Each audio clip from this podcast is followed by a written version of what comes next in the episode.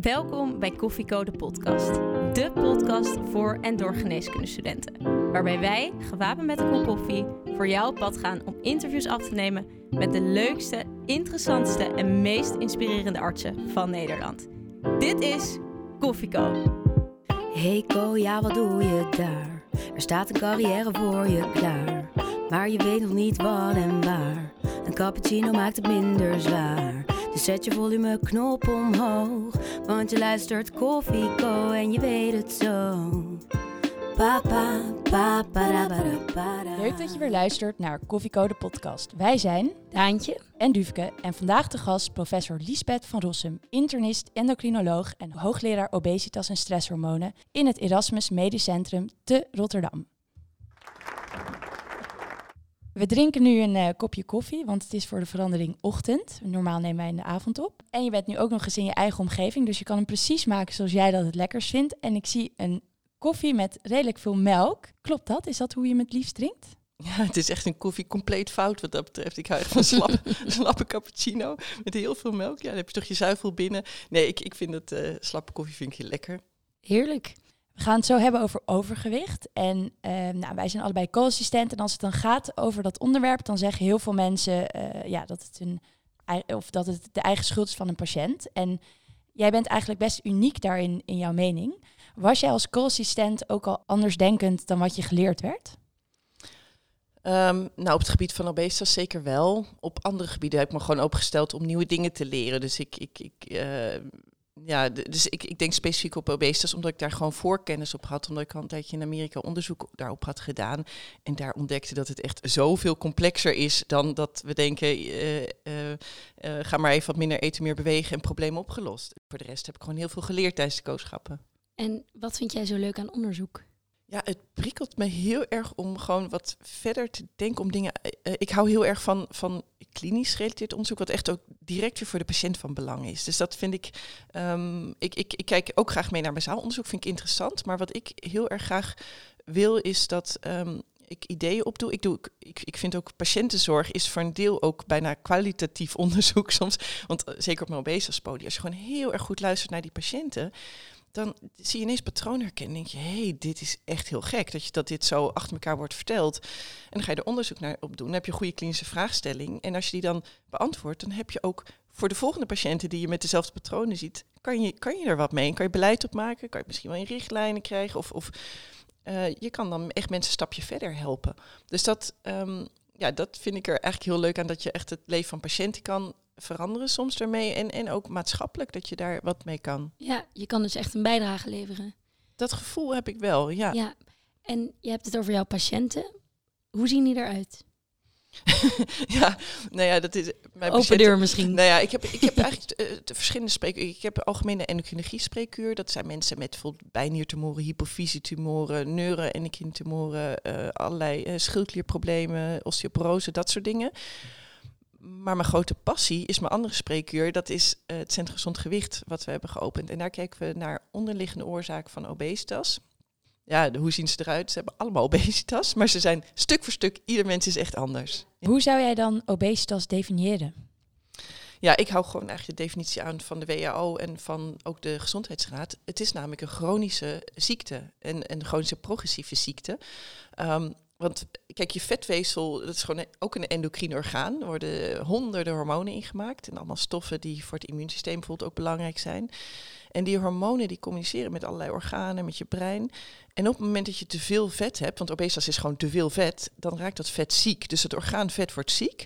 Krijg je allemaal pro-inflammatoire stoffen. En die stofjes die zorgen niet alleen voor diabetes en hart- en vaatziekten, wat we natuurlijk allemaal weten, maar ook voor honderden andere ziekten. En um, dus obesitas zelf is een ziekte. Uh, en het is een poortziekte naar andere ziekten. Dat is eigenlijk ook een beetje hoe het gedefinieerd is. En wat gebeurt er precies in het lichaam van iemand met overgewicht? Want vet is dus een orgaan. Waar heeft dat allemaal invloed op? Nou, een hele belangrijke is bijvoorbeeld uh, het leptine. Wat is echt eh, een van de belangrijkste vethormonen. Dat als je meer vet krijgt, krijg je meer leptine. Dan gaat er een signaaltje naar je hypothalamus. En dan wordt gezegd, oké, um, je krijgt minder eetlust en je verbranding gaat omhoog prachtig compensatiemechanisme. Als we dadelijk weer kerstdiners hebben en je gaat even te veel vet stapelen. Nou, dan hebben we gewoon een, een compensatiemechanisme. Daar, daarom komt niet iedereen kilo's aan, want je hebt gewoon mechanismen die compenseren. Probleem is, als iemand obesitas heeft, dan heb je die pro-inflammatie al in het lichaam. Dan zie je ook dat bijvoorbeeld die hypothalamus een klein beetje, de, die laaggradige inflammatie zit ook in het brein, ook in de amygdala. Mensen krijgen depressieve klachten, waar je stemming zit. Die hypothalamus een beetje wordt, wordt een beetje inflammatie. Dus die leptine wordt niet meer goed gevoeld in die hypothalamus. Je laat, wordt leptine resistent, zeg maar. Dus dat hele mooie beschermingsmechanisme van minder eten, verbranding uh, omhoog zetten, dat doet het niet meer. Dus dat compensatiemechanisme valt weg. En je ziet dat mensen dan, als ze eenmaal obesitas hebben, dan gaan ze door allerlei dat soort tegenregelmechanismen gaan ze steeds verder in gewicht omhoog. Blijf je dan altijd leptine resistent? Nou, het, het lichaam, wat we wel weten, is dat je altijd, het lichaam is geherprogrammeerd eenmaal ooit obesitas gehad, wil je lichaam altijd terug omhoog. Hè. Bijvoorbeeld twee mensen die 80 kilo wegen, waarvan één ooit 120 was, prachtig afgevallen naar 80 dat die ex-120er moet altijd levenslang meer moeite doen dan diegene die altijd 80 woog. Die denkt van, ja, hoe moeilijk is het nou? Je, weet je, je eet waarschijnlijk gewoon veel te veel en, en je beweegt te weinig. Terwijl diegene die, die ex-120er, die moet gemiddeld uh, meer dan 80 minuten per dag uh, uh, matig intensief bewegen per dag. Of, of meer ruim 30 minuten intensief bewegen. Je moet heel erg opletten op voeding. Het is dus ook echt dat je hormonen en je hele homeostase verandert. Precies, precies. Je, je, je hebt echt een kapot homeostase systeem. Um, en in hoeverre dat nog herstelt, weten we niet goed. Het, bij sommigen lijkt het wel een beetje te kunnen herstellen. Of het helemaal herstelt, weten we niet goed. Um, en dat, dat zie je ook, dat mensen dus heel intensieve leefstijlveranderingen uh, moeten gaan doen. Om, maar ja, goed, niet iedereen hoeft op een normaal gewicht te komen. We weten ook al, als je een paar procent afvalt en sowieso gezonder gaat leven, al val je geen gram af, is het sowieso beter. Dus dat is al heel erg goed. Maar mensen die echt flink daarmee moeten afvallen. Dat is ook waarom we bijvoorbeeld nu obesitasmedicijnen hebben. Die resetten dat setpoint. Die helpen daar een beetje chemisch mee. En hetzelfde zie je bij bariatrische chirurgie. Dat, dat geeft ook een beetje een reset van dat systeem. Dat is vooral een hormonale reactie maar dit klinkt wel demotiverend. Want als dit echt, als je dit tegen mensen zegt die obesitas hebben, van ja, als jij afvalt, dan moet je alsnog altijd meer bewegen en altijd minder eten dan iemand die nooit uh, zwaar is geweest. Nou, dit gaat vooral uit studies, en dat is wel goed dat je dit even doorvraagt, want dit is vooral uit bijvoorbeeld de Biggest Loser studies uit Amerika, waar bijvoorbeeld mensen echt 40 kilo afvielen. Dan zit je echt in een veranderende staat. Maar dat is wel wat mensen soms voor ogen hebben. Die willen echt gewoon een slanke den worden. Wat wij in de spreekkamer natuurlijk veel meer moeten communiceren is van oké, verwachtingmanagement. Je hoeft niet die slanke den te worden. Weet dat als je een paar procenten afvalt, dat je hele gezondheidssysteem zo ontzettend veel gezonder wordt. Je gewoon je hele lichaam, je brein, dat die depressieve klachten die verdwijnen al. Je, cholesterol gaat omlaag, je bloeddruk gaat omlaag, je pillen kunnen eraf. Uh, je knieklachten zullen minder worden. Je, kan, je voelt je fitter, je kan weer makkelijker aan het werk. En jij zei net, overgewicht of obesitas is een poort naar andere ziekten is overgewicht altijd ongezond? Kan je ook overgewicht hebben en toch gezond zijn? Zeker als je puur naar gewicht kijkt wel. Ik bedoel, een bodybuilder heeft soms ook een BMI van 32. Nou, dat is eigenlijk geen obesitas, want die heeft gewoon veel spier. Dus op BMI definitie, hè, want het is eigenlijk BMI 25 en hoger overgewicht, BMI 30 en hoger obesitas. Als je daar naar kijkt, ja, dan kan het gezond zijn. Maar kijk je echt naar puur te veel vet, dan hangt het eraf waar zit het. Buikvet is eigenlijk het slechte vet heupvet, dat is, vinden mensen soms niet mooi, maar dat is veel minder uh, schadelijk. Sterker nog, dat kan soms ook gunstige effecten hebben. Um, dus het, het gaat vooral om dat viscerale vet, want daar zit beperkte opslagcapaciteit in. Het kan vooral ook kan levervet, hartvet geven. Dat, en daar zit echt die, die negatieve metabole reacties, die ontstaan heel erg daar. En ja, en dan, dan nou ja, we noemen dan diabetes, hart- en vaatziekten, maar ook dus 13 vormen van kanker. Hè, borstkanker, darmkanker. Belangrijkste oorzaak is daarvan toch vaak obesitas, depressie, artrose. Eigenlijk als je strikt naar me kijkt, is er geen enkele ziekte te bedenken, of bijna niets, misschien op één hand te tellen, die niet ofwel rechtstreeks veroorzaakt wordt door obesitas, of waarbij de behandeling wordt belemmerd doordat obesitas ernaast bestaat als je een voorbeeld hebt, bijvoorbeeld uh, reumatoïde artritis, denk je nou auto-immuunziekte, dat, dat is niet door de obesitas. Maar als iemand daarnaast obesitas heeft, is de kans dat je iemand langdurig in remissie krijgt, is 50% lager.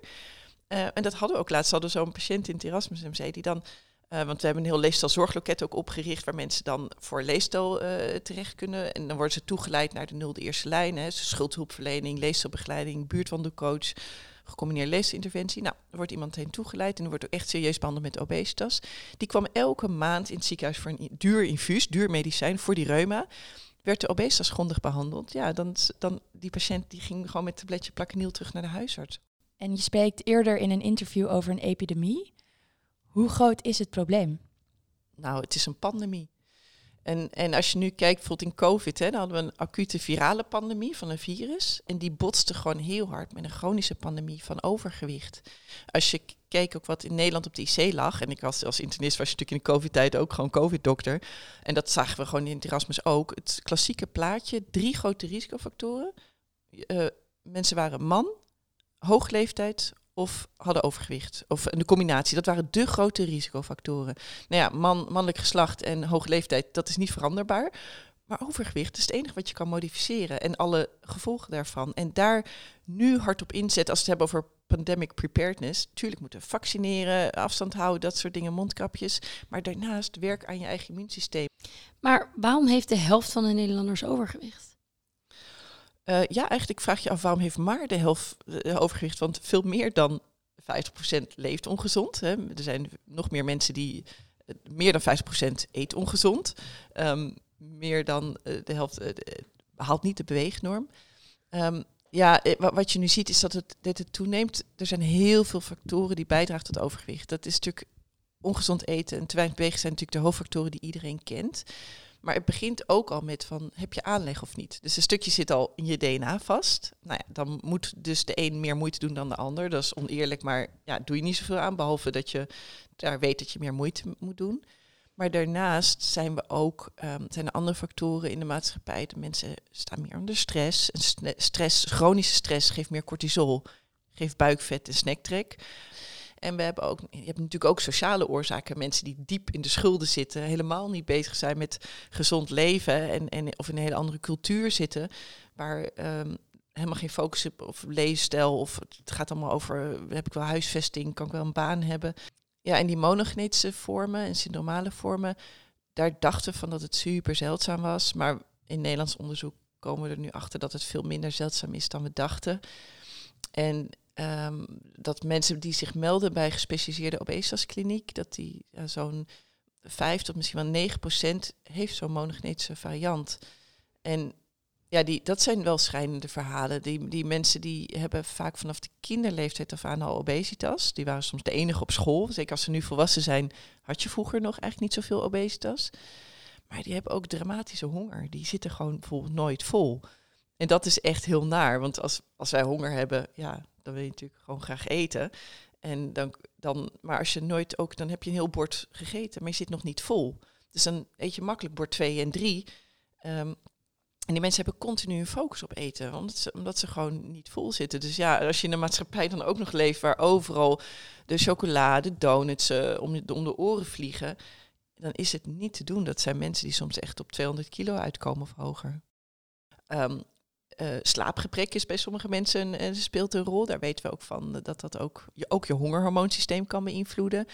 Um, medicijngebruik is een hele grote factor. We, zien, we zagen ook bij ons onderzoek dat nou ja, de helft van de mensen met, overgewicht, met, met obesitas minimaal één of meer uh, potentieel gewichtverhogend medicijn gebruikt. En dat vond ik op mijn algemene endopolie ook al interessant. Er kwam een, op een gegeven moment een jonge vrouw, die werd verwezen door de huisarts van, nou is er Cushing.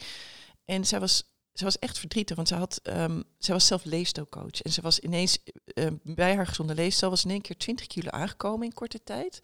Nou ja, wat is er nou? Wat, wat, hè, hoe kan dat nou? Want ik, ik, ik leef niet anders.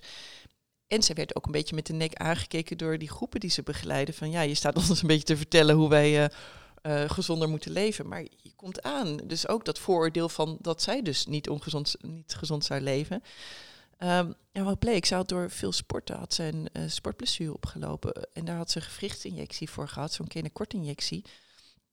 En, uh, en vlak daarna uh, ja, heeft ze gewoon ongelooflijk veel gewicht toegenomen. Allemaal op de buikstreek, dus juist je, je slechte vet eigenlijk. En in eerste instantie had ik nog Cushing-diagnostiek ingezet. Nou, kortsel gewoon onmeetbaar laag. En dan weet je zeker, het moet van buitenaf binnen zijn gekomen. En we hebben nu vastgesteld, en je hebt ons heel duidelijk uitgelegd, obesitas is een ziekte. En wat is dan de behandeling van obesitas? Want er zijn heel veel verschillende oorzaken. Nou, dat is terecht dat je dat zegt, want die, die stap 1 is kijken naar die oorzaken. Um, En behan- eh, heeft iemand een binge-eating disorder, dan moet hij naar de GZ. Of voor het binge-eating disorder heeft, is, heeft iemand een hormonale oorzaak, een hypothyroïdie, dan ga je de hypothyroïdie behandelen. Dus je kijkt eerst naar de oorzaak. Ja, en als het bijvoorbeeld een leefstijl-obesitas is, zoals best wel veel mensen hebben, maar het is bijna altijd een combinatie van stress, slaaptekort, iets van de hormonen nog van overgang en... eh, ehm, en, en leefstijl. Nou ja, als het die multifactoriële leefstijlinterventie, eh leefstijl-obesitas is, dan is stap 1 in de richtlijn eigenlijk dat je ze verwijst naar een gecombineerde leefstijlinterventie. Een GLI wordt dat genoemd. Er zijn ook sommige programma's, nog lang niet alle, maar sommige worden vergoed uit basispakket. Dat is een combinatie van coaching ehm, op echt gedragsverandering. Niet een, een dieet. Echt een dieet staat niet in de richting. Obesitas los je echt niet op met een kuurtje. Maar echt langdurig programma van oké, eh, op gezondere leefstijl komen door eh, echt ehm, beweging, eh, voeding, eh, slaap, stress, alles in te bouwen in je leven. Dat het past bij jouw leven en dat je het ook langdurig vol kan houden. Dat dat echt ehm, dat dat doorgaat. En als dat onvoldoende effect heeft, dan mag je volgens de richtlijn ehm, aanvullen met bijvoorbeeld farmacotherapie. Nou, daar hebben we nieuwe middelen voor. Die zitten ook gekoppeld aan een glie. Het is niet zo dat iemand drie liter cola drinkt en geen leefstijlinterventie doet en hup, pillen geven. Nee, dat, dat, zo gaat het niet. Maar wel, als iemand bij leefstijl er niet voldoende effect van heeft, dat je dan doorpakt en dat je dan eh obesitasmedicatie voorschrijft. Eh, heeft iemand heel ernstig overgewicht, kan een operatie natuurlijk ook zinnig zijn, een, een bariatrische ingreep. Maar we hebben ook vernomen dat er eh, nogal wat nieuwe medicijnen op de markt komen. Kan je daar iets over zeggen? Ja, klopt. Door de EMA is de semaglutide nu goedgekeurd, de 2,4 milligram. Dat is de hoge dosering, want ook in de lage dosering is die er ook voor diabetes al. Ja, dat middel komt voor obesitas in Nederland in 2023. Het is op dit moment booming in Amerika en de hele grondstoffen zijn in heel Europa nu onvoldoende om het leverbaar te hebben. Dus daar wordt wel best wel naar uitgekeken. Dan zie je dat 86% valt 5% af en zo een derde valt 20% af. Dus dan kom je al een beetje in de richting van bariatrie. Ja, en kijk je nu wat op de congressen wordt eh, ge- gepresenteerd, dan kom je echt wel in de cocktailmiddelen, waarbij stofjes daaraan worden toegevoegd. Hè, want, want eh, semaglutide is een GLP-1-agonist, hè, dat is de liraglutide ook. Eh, en dan ehm, er worden andere stofjes toegevoegd, waardoor het nog effectiever is. En dan komen nieuwe middelen aan met gewichts, gemiddelde gewichtsafname, gemiddeld van ruim 22% bijvoorbeeld. Maar gaat het dan niet misbruikt worden? Dat wordt het al. Ja, dat was al vorige week was een heel issue dat, dat, dat Radio 1 belde van goh, we hebben nu allemaal meldingen binnengekregen dat Kim Kardashian had het gebruikt om in een Marilyn Monroe jurkje te passen. en het is nu booming op, op, op socials en mensen gaan het kopen. Ja, dit is wel van alle tijden. Dat is niet goed, maar dit gebeurt natuurlijk ook al met schildklierhormonen, amfetamines, dat soort dingen worden al illegaal of, of ja, ik weet niet of het legaal is eigenlijk, maar het wordt online De co-telefoon. De co-telefoon, dat is een eh, vraag ingestuurd door een van onze luisteraars. En eh, wij hebben een vraag binnengekregen van een van onze luisteraars. En hij of zij vraagt zich af, hoe maak je het onderwerp obesitas bespreekbaar in de spreekkamer? Oh, wat een goede vraag is dat. Dit is waar echt heel veel artsen mee worstelen, want die, ze maken het niet bespreekbaar op dit moment, heel vaak.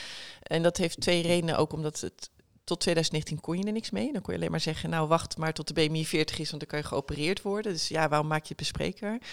Maar een hele andere drempel is ehm, dat mensen het een delicaat onderwerp vinden. Is het ook. En mensen, je moet er zorgvuldig mee omgaan. Want mensen voelen zich heel vaak veroordeeld. Dat wij meteen zeggen, nou, eh, u moet minder eten, meer bewegen. En eh, het is allemaal uw eigen schuld. Hè? Eigen, die, eigen schuld, dikke beeld. Terwijl het vaak zoveel complexer is. Wat een beetje een, wat, wat een goed advies is, wat internationaal ook wordt aangehouden, is dat stap 1 dan moet zijn, vraag toestemming aan de patiënt. Of iemand komt voor een heel andere klacht, bijvoorbeeld iemand komt voor knieklachten, hè, u komt u voor knieklachten. Vindt u het ook goed dat we het over uw gewicht hebben? En 90% vindt dat eigenlijk heel fijn en vindt het eh, goed dat het over wordt gehad. Dan kan je het gesprek doorpakken. 10% vindt dat niet prettig. Nou, dan plant je een zaadje. Dan kan je misschien de volgende keer er weer over hebben.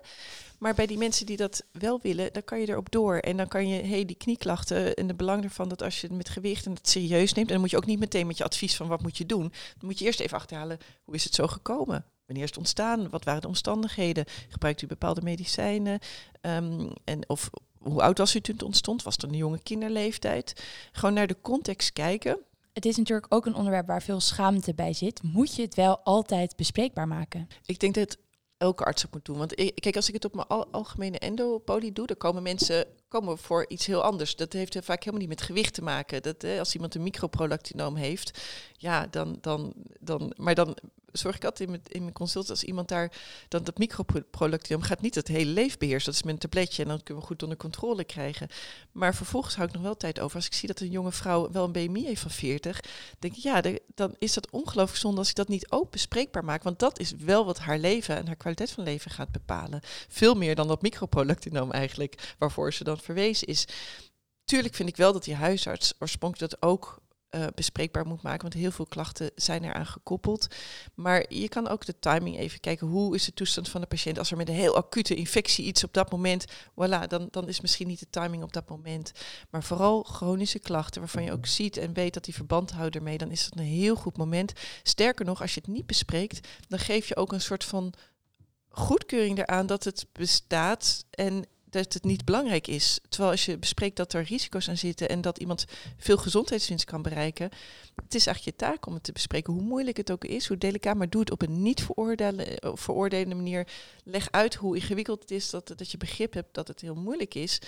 En welke mechanismen eronder zitten. Als je gewoon uitleg geeft daarover en samen op zoek gaat, wat zijn bij jou de oorzaken en wat kan je eraan doen? En op een respectvolle manier, zonder eh, eigen schuldige wildhouding, dan vinden mensen het echt wel heel fijn je legde net ook uit dat je systeem dus ook helemaal anders wordt als je al eenmaal opgewicht bent. En ik denk dat, ja, dat weten mensen ook helemaal niet. Nee, dit is ook voortschrijdend inzicht wat uit die onderzoeken komt. We kenden vroeger helemaal niet die darmhormonen. Want eh, bijvoorbeeld ons hele hongergevoel, hoe dat geregeld is. We denken allemaal, oh, we zitten vol omdat onze maag vol zit. En dan, eh, dat is wanneer je stopt met eten. Dat is helemaal niet zo. Dat is maar een heel klein stukje ervan. We, we stoppen met eten omdat we op een gegeven moment darmhormonen gaan maken. Waaronder je GLP-1, wat een krachtig signaal geeft aan je hypothalamus. Nu zit ik vol. En dat, dat werkt samen met je vethormonen. Hè. Je hebt vethormonen, je hebt darmhormonen. En darmhormonen geven een signaal af. Nou, dat is voor een deel dat je vol zit. Toch is het soms zo dat je helemaal vol zit. Hè. Bijvoorbeeld, je hebt een drie gangen maaltijd gehad en we zitten helemaal vol. Maar dat toetje, dat past dan nog wel. En, en dat gaat via een ander hongerhormoonsysteem. Dat gaat via ons hedonisch systeem. Dat gaat veel meer via serotonine, dopamine, eh, endocannabinoïden dan eet je door, omdat het gewoon super lekker is. Dat is je toetjesmaag. Dat is je toetjesmaag, precies. Die, die hebben we niet voor broccoli, want niemand eet door op die broccoli. Niemand is ook verslaafd aan broccoli. maar wel aan chocola. En dat past omdat je heel comfortabel, kortdurend, heel comfortabel van gaat voelen. En dat mechanisme in de huidige maatschappij eten wij heel vaak niet op ons homeostatisch systeem. GLP-1, darmhormonen, communicatie naar het brein. Nee, op ons hedonisch systeem, omdat we het lekker vinden. Dat is ook waarom we waarom ik me ook vanuit de spreekkamer en als, als bestuursvoorzitter van de Partnerschap Overgewicht Nederland hard maak. Hé, hey, we moeten die voedselomgeving veranderen. Moeten suikertax, moeten prijsprikkels, dat, dat het 80% in de supermarkt zijn eh, producten buiten de schijf van 5. 80% van de promoties in de supermarkten zijn ongezonde producten. Ja, daar moeten we ook wat aan doen, want wij kopen automatisch op een automatische piloot uh, die op ons hedonische, gewoon omdat we het super lekker vinden. Maar we hebben toch een nationaal preventieakkoord? Ja, ik heb daar zelf bij aan tafel gezeten, dat, uh, waarbij de onderhandelingen hebben gedaan. Nou, echt met de voedingsindustrie ook aan tafel. En het is echt een, een, een, een heel. Uh, ik bedoel, alle maatregelen erin, uh, alle stukjes helpen. Dus mooie eerste stap. Maar vrij snel had het RIVM al breken. Nou, het is gewoon niet genoeg. Dus we moeten ook, dan helpt het toch dat je vanuit de medische zorg wel blijft zeggen: hé, hey, wij, wij, zien natuurlijk de andere kant van het spectrum, van hoe erg het kan zijn. En die hele zorgkosten worden onhoudbaar. Als we niks doen, weten we dat, dat, dat in 2040 heeft twee derde heeft overgewicht. Maar word jij dan niet heel boos als je in de supermarkt bent en cola is 50 cent en water is 2 euro? Nou, dit, uh, ja, boos worden heeft dan niet heel veel zin, maar het roepen heeft wel zin. We hebben zeg maar een kraan die open staat en een bad wat vol is. En die kraan die open staat, is dat er elke dag mensen met overgewicht bijkomen. Nou, die kraan moet dicht, moet de politiek doen. Als dokters moeten het roepen, het moet. Hey, zet die kraan dicht. En je hebt ook het bad wat vol is. De helft van de Nederlanders heeft al overgewicht of obesitas. Nou, dat, dat moeten we in de zorg doen. Die moeten we helpen. Die moeten zeggen, oké, je moet een, een gecombineerde leesinterventie doen. Werkt het? Die moeten medicijnen of moeten we een operatie? Of eh, hulp bieden, echt die zorg bieden. Stop eruit, actief het bad leeg laten lopen. Ehm, en niet wachten tot de supermarkt gezonder is, want dat moet simultaan, maar dat doet de politiek. En, en we hebben het heel vaak over preventie, maar wat is dan preventie? Allebei is preventie. Dat van de kraan dichtdraaien, dat, dat noem je collectieve preventie. taak politiek. Bad leeg laten lopen, dat noem je individuele preventie. En daar hebben wij de taak de zorggerelateerde preventie. En dat is eigenlijk gewoon mensen behandelen voor die obesitas. Dus pas als je kraan dichtzet en een bad leeg laat lopen, dan heb je de epidemie opgelost. Nou, daar hebben we een lange weg nog te gaan. Maar elk puzzelstukje wat we daarin leggen, dat, dat helpt wel. En niet preventie, maar het probleem wat er al is. Eigenlijk is onze wereld helemaal niet ingericht op zwa uh, voor zware mensen.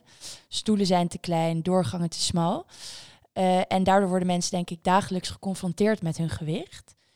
Moeten wij ons als wereld aanpassen aan zware mensen? Ik denk dat het wel de realiteit is. Het, het hele nare gevoel wat mensen krijgen als ze ook, ook in de spreekkamers. Hè, wij, bij endocrinologie spreekuur heb ik stoeltjes met nauwe uh, uh, leuningen. Maar zelfs daar hebben, die komen helemaal niet voor obesitas, maar ook daar hebben we heel veel obesitas. Die passen soms niet in de stoelen. Bij mijn Centrum Gezond Gewicht spreekuur, daar, daar, daar is, heeft iedereen natuurlijk obesitas en sommigen ook wel echt 250 kilo, dat komt voor. Dan, ja, daar hebben we aparte stoelen voor. Want ja, mensen zakken gewoon letterlijk door stoelen soms heen. En dat is natuurlijk gewoon heel embarrassing voor iemand als dat gebeurt. Je houdt dan ook niet rekening mee met die patiënt. En het is al meteen een soort oordeel van, uh, als je daar niet rekening mee houdt, van, van jij moet je dus aanpassen. Maar als je beseft hoe moeilijk dat is en hoe het lichaam veranderd is, je pas je niet zomaar aan. Tuurlijk moet je gezond gaan leven, maar ik zie genoeg mensen die echt uh, heel gezond eh, eten en, en, bewegen. Maar desondanks, doordat ze bijvoorbeeld zo'n monogenetische vorm hebben, enorm obesitas hebben. En dat is, mensen doen zo lelijk tegen ze. Ze worden zo gediscrimineerd, krijgen bijna niet een baan. Uh, ze worden heel lelijk benaderd met van, joh, je moet niet de hele dag chips eten.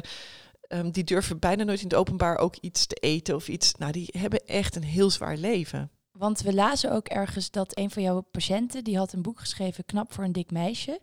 En uh, zij raakt daar in dat boek, in, of in haar leven, in een depressie en daar schrijft zij over. Is dat ook iets wat je veel ziet bij jouw patiënten? Heel veel verdriet, echt heel veel verdriet. Ja, nou ja, ik zie natuurlijk ook wel een selectie van mensen die ook onderliggende pathologie hebben. Maar die worstelen er dus al heel lang mee. En die worstelen ook met dat vooroordeel. Ik vind zelfs dat vooroordeel moet je ook niet hebben. Al zou iemand wel door zakken chips eten dat hebben, dan, dan dan nog moet je iemand wel helpen daarmee. En daar gedragsverandering, want het is gewoon niet makkelijk om gewoontes te veranderen. Dus zelfs daar vind ik niet dat je dat moet veroordelen, maar goede hulp bieden. Maar die mensen die um, zo een monogenetische vorm hebben, waardoor ze gewoon kapot hongergevoel hebben.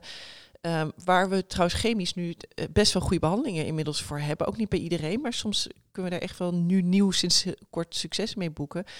Ja, ik, ik, daar zie ik gewoon ongelooflijk veel verdriet in. En die verhalen zijn echt ook schrijnend. Ook, ook ook vanuit de zorg discrimineren we. Een van de eerste dingen die ik leerde is, is als, als in mijn opleiding tot internist was DDD, dikke domme diabetes. En, en dat, dat, dat was de standaard afkorting op de diabetespolie. En denk, ja, dan neem je ook niet serieus hoe complex, in wat voor situatie mensen soms verkeren. Dat, dat, en dan vraag ik me wel af, wat voor zorg wordt er geboden? Wordt het überhaupt bespreekbaar gemaakt? Nee, heel vaak niet. en ik, ik hoor ook wel eens van patiënten dat die, bijvoorbeeld was zo'n echtpaar, waar dan um, die vrouw vertelde van, goh, eigenlijk bij de vorige dokter, dat het woord altijd werd gericht aan haar man. Um, en er wordt gewoon niet met haar gesproken toen ze, zoals ze, eh, zat echt flink obesitas. Toen was ze behandeld voor de obesitas, was een stuk slanker geworden. Dat diezelfde arts voor het eerst woord aan haar richtte, alsof ze niet bestond daarvoor. Terwijl het ging allemaal over haar en er wordt alleen over haar met haar man gesproken. Ja, dat is zo pijnlijk voor mensen. Mensen voelen dat dat is discriminatie. Ja, eigenlijk is dat is wel precies. Het is eigenlijk is obesitas is een van de laatste vormen van sociaal geaccepteerde discriminatie. Want over racisme, over geloof, over dat is allemaal mag ook niet, wordt wel gedaan, maar daar hebben we het over. Over discriminatie op basis van gewicht hebben we het niet over. Maar er is nu wel sprake van een body positivity beweging. Die is er al langer en uh, dat klopt. En dat is, um, ik ben daar dubbel in. Ik vind het heel erg goed dat mensen wel zeggen van oké, we mogen bestaan. We zijn gewoon ook mens en zie ons als mens. En dat ongeacht of je uh, uh, 30 kilo weegt of 200 kilo weegt, we zijn er als mens. En daar ben ik helemaal mee eens. dat gaat niet om je moet niet beoordeeld worden op je gewicht, want die worden vaak beoordeeld als lui en slap van karakter. Nou, er zit echt wel meer achter. Wat ik er niet goed aan vind, is dat ze zeggen: Um, uh, het is echt een, een um, eh, het is niet gevaarlijk voor de gezondheid. Het, het geeft geen schade. Ja, dat is niet zo, want het is eh, officieel gedefinieerd als ziekte. En daar, daar, daar moeten we dus wel wat mee. Dus in de zorg moet je het bespreekbaar maken, moet je het ook om, het is een ziekte. Dus in dat, in dat opzicht, um, dat aspect vind ik er niet goed aan. We hebben het nu over te zwaar, dik, overge overgewicht, gezet, obesitas. Welke terminologie moeten we gebruiken? Nou, eigenlijk obesitas en overgewicht zijn prima termen. Wat wat patiënten vaak niet fijn vinden, wat, wat zeg maar de internationale patiëntenorganisatie zegt, is als je het bijvoeglijk naamwoord gebruikt. De obese patiënt of de obese persoon vinden mensen niet prettig, want dan ben je eigenlijk je, je, je ziekte. En de vergelijking bijvoorbeeld, we zeggen ook niet de kankerige patiënt, we zeggen de patiënt met kanker. Zo is het ook de patiënt met obesitas. Um, en, uh, of de persoon met obesitas, of uh, internationaal zegt ze uh, um, a patient living with obesity of zo. Maar, um, maar dat, dat bijvoeglijk naam wordt gebruikt, dat wordt heel erg niet gepropageerd. Je hebt ons ontzettend veel verteld over jouw aandachtsgebied, maar we willen eigenlijk ook wel wat meer weten over jou. Ga je een aantal dilemma's voorleggen en dan uh, mag je daar eentje van kiezen. Het doktersdilemma. Het leven bestaat soms uit lastige keuzes. Denk niet te lang na en geef snel antwoord. Horden lopen of hardlopen? Hardlopen. of die hoorden struikel ik alleen maar. Den Haag of Rotterdam? Uh, Rotterdam. Schrijven of lezen? Schrijven. Maatje 34 of maatje 44?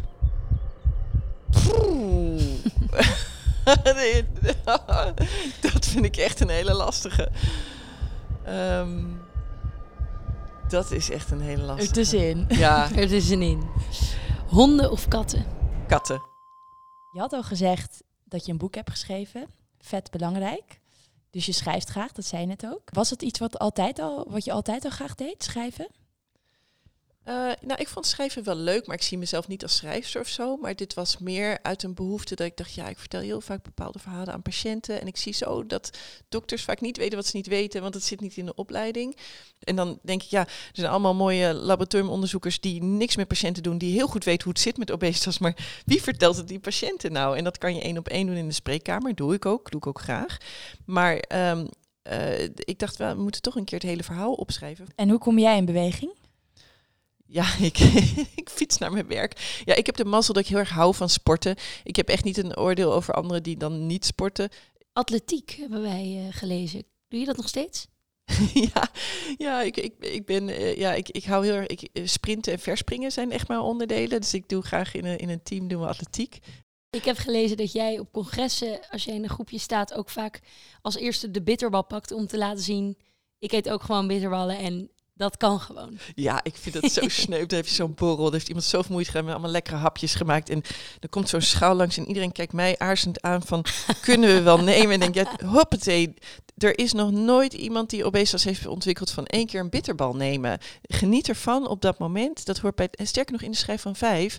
Als je daaraan houdt, dan kan je best af en toe iets daarbuiten nemen. Dat, dat past in een gezond voedingspatroon.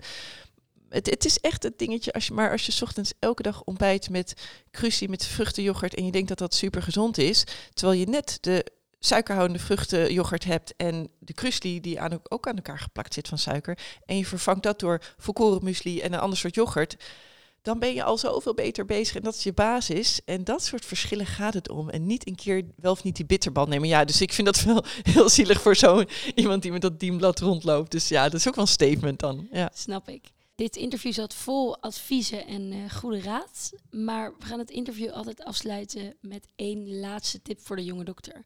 Wat zou u de luisteraar willen meegeven? Ja, ik, ik denk, maak echt van je hobby je werk. Ik merk dat ik ontzettend veel interesse heb in, in, in, dit, in zo'n onderwerp. Ik voel me daar helemaal bevlogen. Ik lees er graag over, doe er wat mee.